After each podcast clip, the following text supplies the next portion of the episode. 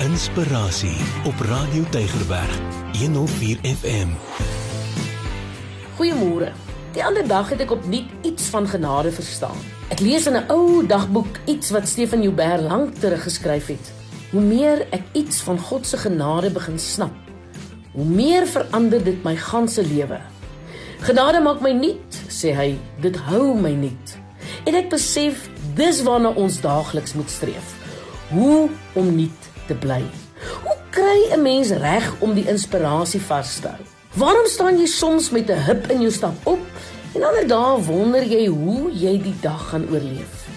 Is daar nie dalk 'n resep, iets wat jy vinnig kan sluk of doen om gister se goed voel met 'n zap terug te bring nie?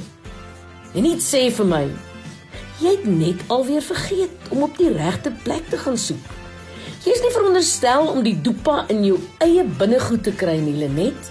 Jou antwoord lê in stil word voor die Here.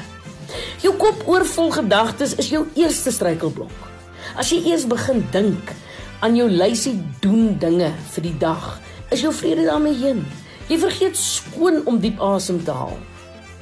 En ek het vir my 'n stil plekkie in die sitkamer gekry, 'n plek op die bank waar die venster genoeg lig maak sodat ek lekker kon sien. En met my beker koffie en 'n lekker stuk beskuit het ek my my sit gekry. En ek het so 3 keer diep asem gehaal. En toe sê ek: "Môre Here, hoe gaan dit met jou? Dankie dat jy nou saam met my hier sit." Ek trek toe los en ek vertel hom van gister se bekommernisse, asook al my blapse. Ek lees toe die Bybel en my dagstukkie en ek haal diep asem. Toe wag ek vir sy antwoord. En dis hier waar hy toe vir my sê: "Dis hoe jy nie bly my kind.